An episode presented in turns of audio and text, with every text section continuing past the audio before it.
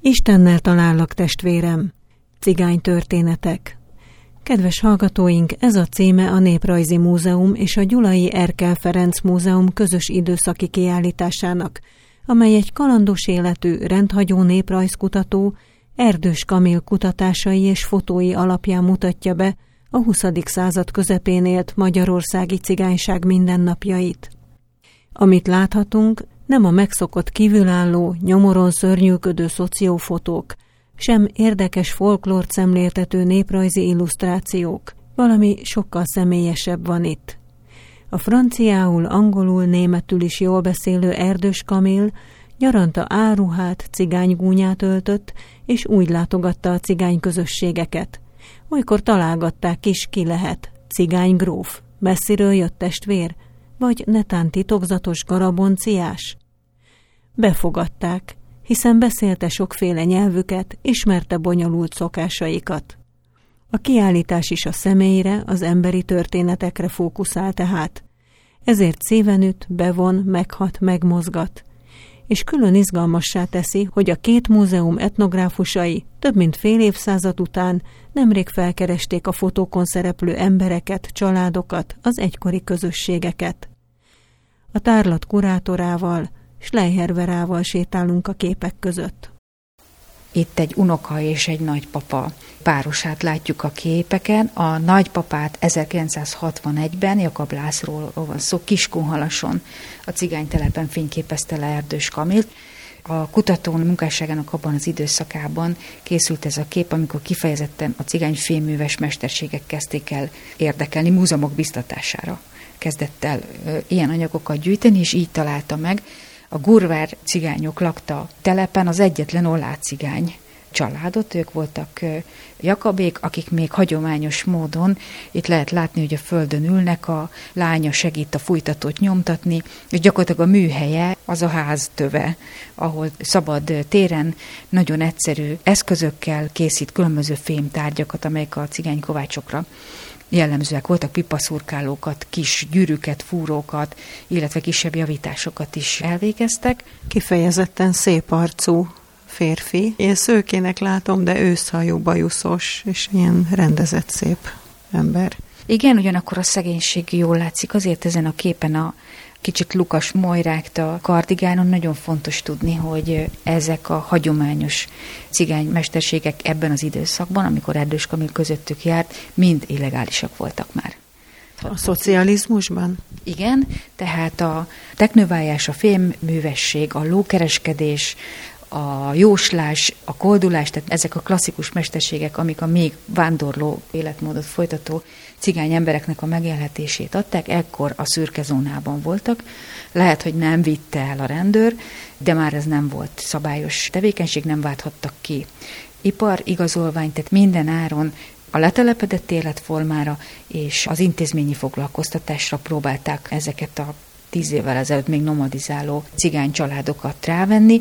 Egyébként Erdős Kamil le is írja, hogy utolsó pillanataiba kapja el ahogy Jakab László ezeket a tárgyakat elkészíti, mert egyébként már inkább titokban fegyvereket javít, órákat kezd el javítani, mert ezekre a hagyományos termékekre nincs piaca, ugye nem árulhat legálisan piacon, és egyre kevésbé is van igény. Tehát egy ilyen nagyon erőteljesen változóba levő kultúráról van szó és hát nagyon izgalmas pillanat volt, amikor Kiskunhalason járva, a képek után kérdezősködve elirányítottak bennünket ifjabb Jakab Lászlóhoz. Ide léptünk egy másik fotóhoz, egy kinagyított fotón, egy nagyon-nagyon fiatal menyasszony és vőlegény látszik. Ezek gyerekek szerintem. Hát igen, maximum szerintem 15 éves a lány, és a fiú se sokkal több, Valószínűleg Balassagyarmaton sokan emlékeznek még erre a lakodalomra, amit egyébként Erdős Kamil véletlenül fényképezett le, tehát nem azért járt gyarmaton, mert meghívták a lagziba, de mivel gyarmaton járt, meghívták a lagziba, mint régi barátot, úgyhogy csinált egy sorozat fényképet, és hát följegyezte az albumban, hogy a fiú rakló, azaz romani nyelven azt jelenti, hogy nem cigány, tehát ő egy magyar fiú volt, azóta tudjuk már, hogy Magyarósi öcsének hívták, és a lány pedig egy kárpáti cigánylány volt, Nani, Antónia. Egy nagy szerelem lehetett, és a házasságuk miatt a, a magyar fiút kitagadta a családja.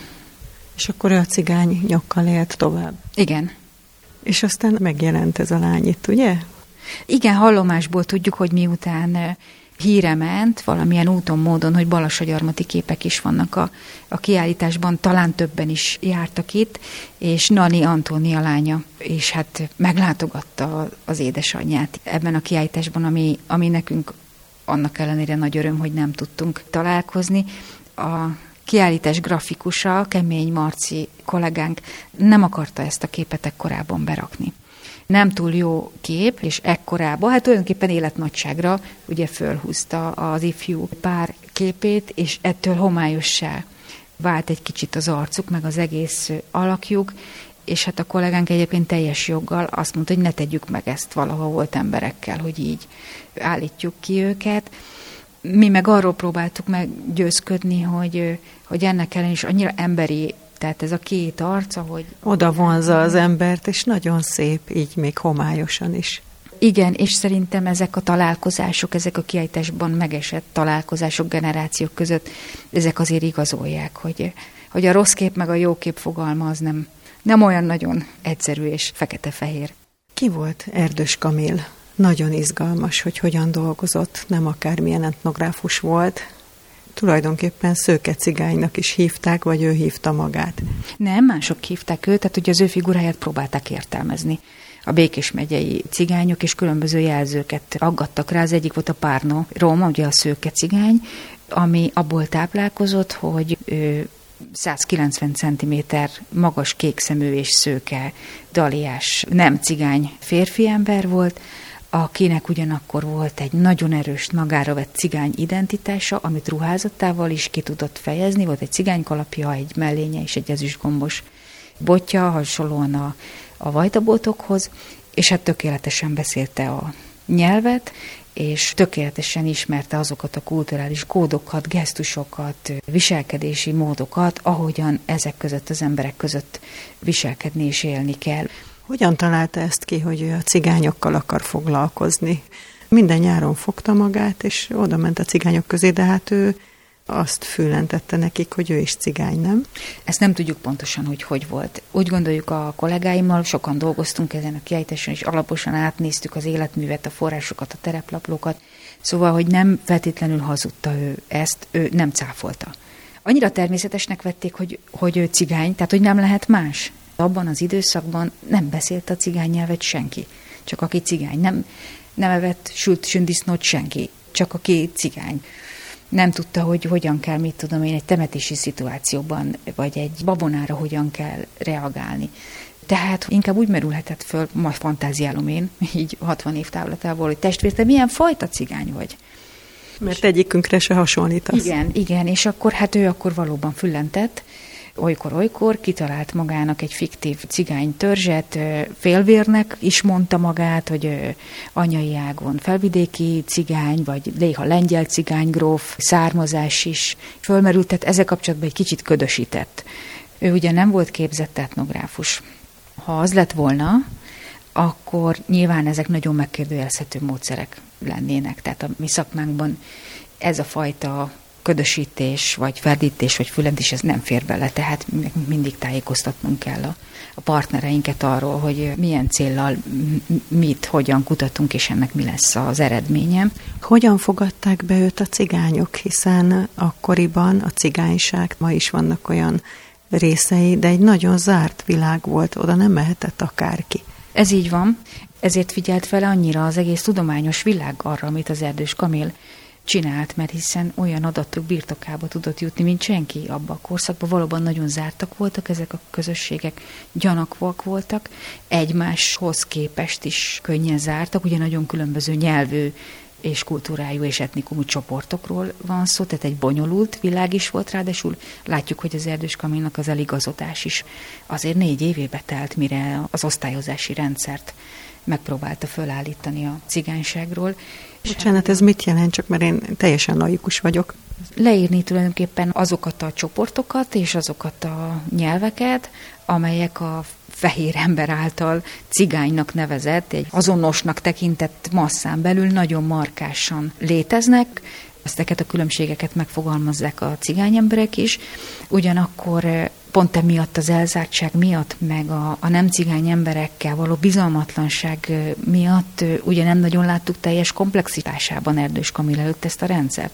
Azt érzékelték kutatók, népmesegyűjtők, politikusok, nem tudom kik, hogy hát igen, hát hogy vannak a vándor cigányok, meg vannak a zenész cigányok, és ezek nem teljesen ugyanolyanok, de hogy ez a rendszer sokkal komplexebb és bonyolultabb, ugye a kiállításban ezt egy nagy ábrán be is mutatjuk, hogy a cigány nyelven beszélők között is meg kell különböztetni az olá cigány és a kárpáti cigány nyelvet beszélőket, sőt azon belül még a Kiskunhalason talált gurvárokat még egy harmadik csoportnak gondolta Erdős Kamil. A nem cigány nyelvűek között nem csak magyar anyanyelvűek vannak Magyarországon. Szóval, hogy ez egy bonyolult rendszer, amit 1958-ban Erdős Kamil írt le. Az egész magyar kárpát-medencei cigányságot végigjárta Erdős Kamil? Nem, egészen különleges és ösztönös módszerei voltak. A történet ott indul, hogy ő nagyon beteg ember volt, sok időt töltött kórházban, és mivel a cigány emberek is nagyon rossz egészségi állapotban voltak, akkor többször is voltak eh, cigány szobatársai. Így tanulta meg a nyelvet, hogy összebarátkozott először Baranyi Dezsővel a Korányi Szanatóriumban, aztán később Gyulán a megyei tüdőintézetben Kolompár János Mújkóval is összebarátkozott, az előbbitől a Kárpáti, az utóbbitől az olácigány nyelvváltozatot tanulta meg, és tulajdonképpen őket meglátogatva az ő ismerőseik ismerősein keresztül, na, de gyere el pajtást, ugye a kórházban is sok ismerettséget kötött, ugye a nyelvnek köszönhetően, és hát látták benne a jó akaratot, látták benne a kíváncsiságot, tulajdonképpen testvért láttak benne, innen van a címe is a kiállításnak, ez egy romani nyelvű köszöntési formulának a magyar változat, ez az Istennel találok testvérem. Tehát tulajdonképpen lehet mondani, hogy kézről kézre adták, és ahogy élet föl az ő kíváncsisága, és értették meg a magyarországi intézmények, Népművelősi Intézet, Zenekutató Intézet, különböző múzeumok, hogy, hogy ez az ember egy nagyon-nagyon potens kutató, úgy hagyta el egyre inkább Békés megye határát, és jutott el Nógrád megyébe, Észak-Magyarország más pontjaira a Dunántúlon keveset járt, viszont volt egy ilyen nagyon sajátos, megint csak azt mondom ösztönös kutatói módszere, hogy bárhol vonaton ülve, kocsmába, buszmegállóba, cigány emberekkel találkozott, ő mindenkivel szóba legyetett, és mindenkit kikérdezett és így kerültek aztán a terepnaplójába olyan információk is, amit ő nem személyes tapasztalatból szerzett, hogy a Dunántúlon milyen cigánycsoportok nagyjából hol telepettek le és hol találhatók. Ki tudna emelni olyan érdekes történetet, meghökkentő, vagy akár vicces, vagy megható történetet, ami Erdős Kamilhoz kötődik, amit ő átélt így a vándorlásai, a cigányokkal való barátkozása során? Hát ő igen, nagyon sok mindent átélt, leírja egy helyütt, hogy az első látogatásai egyiként szabályosan próbára tették a vendéglátói. Három ilyen próbaszituációt teremtettek ebéd közben, hogy az öreg asszonya, hogy az ebédet főzte, belelógatta a szoknyája sarkát a levesbe. Ez egy ilyen rontó eljárásnak a, a része, és akkor árgus szemmel figyelte mindenki, hogy mikor elérakják a levest, akkor Erdős Kamil hogy reagál, és hát felháborodva közölte, hogy ő bizony ebből nem eszik egy falatot sem, mert hiszen az öreg asszony szoknyája beleért. Aztán hát egy ilyen nagyon szürreális szituáció az, amikor először járt Végegyházán és egy idős emberrel a kocsmában megismerkedve beszélgettek mindenféléről, és akkor lassan oldódott ez a bizalmatlanság, és akkor végül a cigány ember bevallotta, hogy hát azért ő nagyon gyanakodott, mert azt gondolta, hogy ez az ezüst gombos botja Erdős Kamilnak, ennek a végén egy ejtőernyő van, abba az ezüst gomba rejtve, és ha megnyomják a gombot, kinyílik az ejtőernyő, az erdős kamil elrepül, őt meg itt hagyja a kocsmában a rendőröknek. De nézték kémnek is, egyébként nem csak a cigányok, hanem a magyar hatóságok is hát eléggé gyanakodva figyelték, tehát nem mindennapi jelenség volt, aki eljön a kiállításba láthatja itt a, a képeken, hogy ez a daliás figura a botjával és a, az agyomosott katona kabátjával, ahogy leszáll Szabolcsba vonatról, hát... Tipikus garabonciás. Az, igen, lehet mondani. De hát nézték őt miniszternek is, gyulai kórházi orvosnak is nézték, próbálták értelmezni az ő figuráját, és nyilván ebből mindenféle szituáció kikerekedett. Mikor halt meg? És hány éves volt akkor? 1962-ben halt meg, és mindössze 38 éves volt, tehát ez egy nagyon-nagyon rövid életút volt, és annak is egy nagyon intenzív tíz év, jó indulattal tíz év az a szakasza, amikor ez a hagyaték, ma már hagyaték megszületett. A dolognak a csattanója, hogy önök nem csak elővették a hagyatékot és készítettek belőle egy kiállítást, hanem kutatók sok-sok évvel később, évtizedekkel később visszamentek a terepre, és megnézték azokat az embereket, akikről Erdős Kamil fotókat készítette, akikkel barátkozott. Ez hogyan történt? Ön is részt vette ebben? Igen, kiválasztottunk néhány olyan települést, ami láthatóan fontos volt Erdős Kamilnak, és ott próbáltunk meg kapcsolatokat építeni, elkezdeni keresni a fényképeken szereplő embereket. Bocsánat, de hogy kell ezt elképzelni? Oda mentek azokba a falvakba, és akkor becsöngettek, vagy ott bekopogtak, hogy jó napot kívánok, a Néprajzi Múzeumból jöttünk? Igen, ilyen is volt, tehát, hogy bekopogtunk és megpróbáltuk elmagyarázni. Nagyon sokan segítettek nekünk, helyi cigány kisebbségi önkormányzatok részéről, és akkor úgy irányítottak minket emberekhez, de annyira nem volt nehéz dolgunk, mert hogy vittük magunkkal a fényképeket. És általában pozitív volt a, a fogadtatás, ugye ezek a képek újdonságot jelentettek.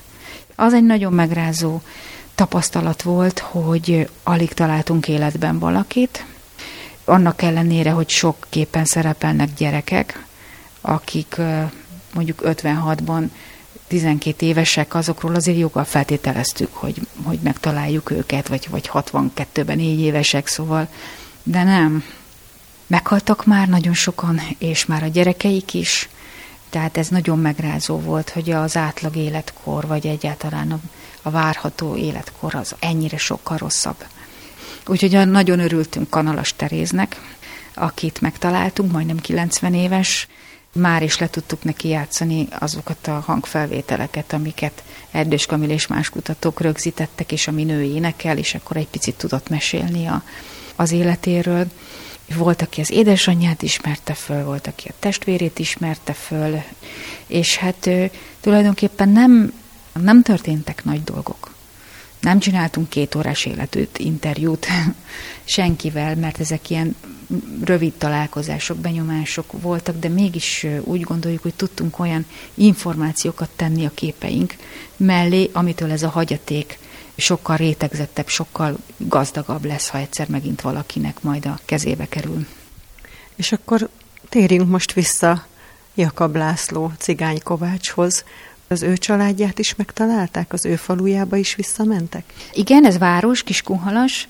Kolompár László, cigány kisebbségi önkormányzati vezető megnézte velünk együtt a képeket, és Jakabékhoz elküldött minket a, a Szondi utcában. Nyilván ő nem lehetett akkor biztos benne, hogy itt egy egyenesági leszármazottról van szó, de kiderült, hogy, a, hogy az unokával találkoztunk, a képen megörökített Párnoláci, esett róla szó, hogy fehér, szép fehér hajú ember volt, ez volt a cigány neve, ez a Párnolaci, Fehér Laci, és hát tudtunk beszélgetni több mint egy órát Jakabéknál, és hát kiderült, hogy ugye a cigány Kovács nagyapa mesterségét fantasztikus módon viszi tovább, nem hivatásszerűen, de szekereket, taligákat visznek hozzá, és azokat ő újra vasalja, rendbe hozza, tehát tulajdonképpen él tovább az ősök mestersége valamilyen formában. Ők, ezek a cigány családok, akiket most nemrég fölkerestek, eljöttek-e megnézni a kiállítást? Gondolom meghívták őket. Meghívtuk őket, a megnyitóra kevesen jöttek, de azóta is voltak nagy pillanatok. A kiállításban rendszeres vendégünk itt Sneci, Moranyi László, aki közel is lakik a múzeumhoz, és akinek a rokonsága a balasagyarmati fotókon van megörökítve, úgyhogy az ő segítségével utólag tudtunk azonosítani sok mindenkit és más hasonló történetek is voltak, úgyhogy nincs vége. Próbáljuk az ő általuk megőrzött információkat is a hagyaték részévé tenni. Miért jöjjön el megnézni a kiállítást, mondjuk a nem cigány látogató? A legfontosabb az, hogy, hogy nagyon szép képeket láthat. Nem fotó művészeti vagy fototechnikai értelemben szépeket, mert sok köztük az életlen, meg a árnyékos, meg az ellenfényes, hanem, hanem emberi képeket láthat.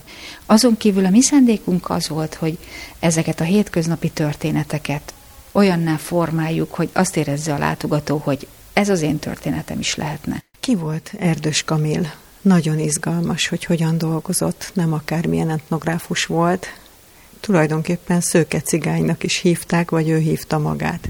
Nem, mások hívták őt, tehát ugye az ő figuráját próbálták értelmezni.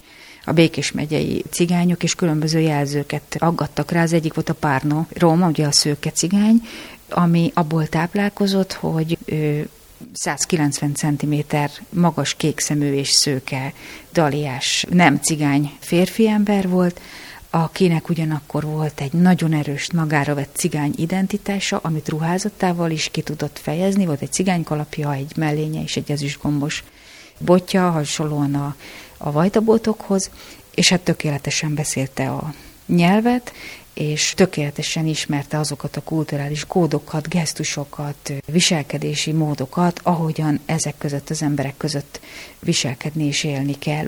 Hogyan találta ezt ki, hogy ő a cigányokkal akar foglalkozni? Minden nyáron fogta magát, és oda ment a cigányok közé, de hát ő azt fülentette nekik, hogy ő is cigány, nem?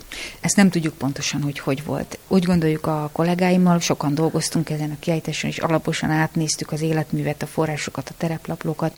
Szóval, hogy nem feltétlenül hazudta ő ezt, ő nem cáfolta. Annyira természetesnek vették, hogy, hogy ő cigány, tehát hogy nem lehet más. Abban az időszakban nem beszélt a cigány nyelvet senki, csak aki cigány. Nem, nem evett sült sündisznót senki, csak aki cigány. Nem tudta, hogy hogyan kell, mit tudom én, egy temetési szituációban, vagy egy babonára hogyan kell reagálni. Tehát inkább úgy merülhetett föl, majd fantáziálom én, így 60 év távlatából, hogy testvér, te milyen fajta cigány vagy? Mert egyikünkre se hasonlítasz. Igen, igen, és akkor hát ő akkor valóban füllentett, olykor-olykor kitalált magának egy fiktív cigány törzset, félvérnek is mondta magát, hogy anyai ágon felvidéki cigány, vagy néha lengyel cigány gróf, származás is fölmerült, tehát ezzel kapcsolatban egy kicsit ködösített. Ő ugye nem volt képzett etnográfus. Ha az lett volna, akkor nyilván ezek nagyon megkérdőjelezhető módszerek lennének. Tehát a mi szakmánkban ez a fajta ködösítés, vagy ferdítés, vagy fülentés, ez nem fér bele, tehát mindig tájékoztatnunk kell a, a partnereinket arról, hogy milyen céllal mit, hogyan kutatunk, és ennek mi lesz az eredménye. Hogyan fogadták be őt a cigányok, hiszen akkoriban a cigányság, ma is vannak olyan részei, de egy nagyon zárt világ volt, oda nem mehetett akárki.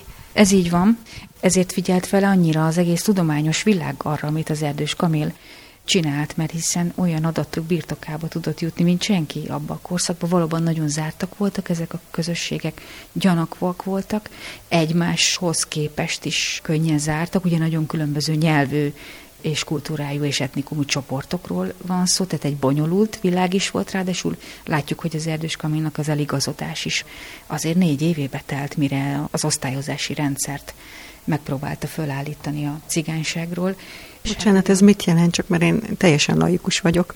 Leírni tulajdonképpen azokat a csoportokat és azokat a nyelveket, amelyek a fehér ember által cigánynak nevezett, egy azonosnak tekintett masszán belül nagyon markásan léteznek, ezeket a különbségeket megfogalmazzák a cigány emberek is, ugyanakkor pont emiatt az elzártság miatt, meg a, a nem cigány emberekkel való bizalmatlanság miatt ugye nem nagyon láttuk teljes komplexitásában Erdős Kamil előtt ezt a rendszer. Azt érzékelték kutatók, népmesegyűjtők, politikusok, nem tudom kik, hogy hát igen, hát hogy vannak a vándor cigányok, meg vannak a zenész cigányok, és ezek nem teljesen ugyanolyanok, de hogy ez a rendszer sokkal komplexebb és bonyolultabb, ugye a kiállításban ezt egy nagy ábrán be is mutatjuk, hogy a cigány nyelven beszélők között is meg kell különböztetni az olá cigány és a kárpáti cigány nyelvet beszélőket, sőt azon belül még a Kiskunhalason talált gurvárokat még egy harmadik csoportnak gondolta Erdős Kamil.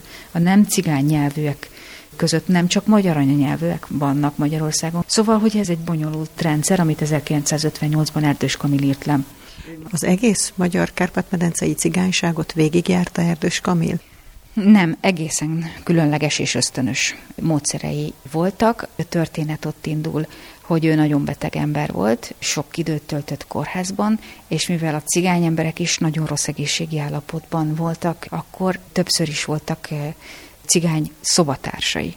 Így tanulta meg a nyelvet, hogy összebarátkozott először Baranyi Dezsővel a Korányi Szanatóriumban, aztán később Gyulán a megyei tüdőintézetben Kolompár János Mújkóval is összebarátkozott, az előbbitől a Kárpáti, az utóbbitől az olácigány nyelvváltozatot tanulta meg, és tulajdonképpen őket meglátogatva az ő ismerőseik ismerősein keresztül, na, de gyere el pajtást, ugye a kórházban is sok ismerettséget kötött, ugye a nyelvnek köszönhetően, és hát látták benne a jó akaratot, látták benne a kíváncsiságot, tulajdonképpen testvért láttak benne, innen van a címe is a kiállításnak, ez egy romani nyelvű köszöntési formulának a magyar változat, ez az Istennel talállak testvérem. Tehát tulajdonképpen lehet mondani, hogy kézről kézre adták, és ahogy élet föl az ő kíváncsisága, és értették meg a magyarországi intézmények, Népművelősi Intézet, Zenekutató Intézet, különböző múzeumok, hogy, hogy ez az ember egy nagyon-nagyon potens kutató, úgy hagyta el egyre inkább Békés megye határát,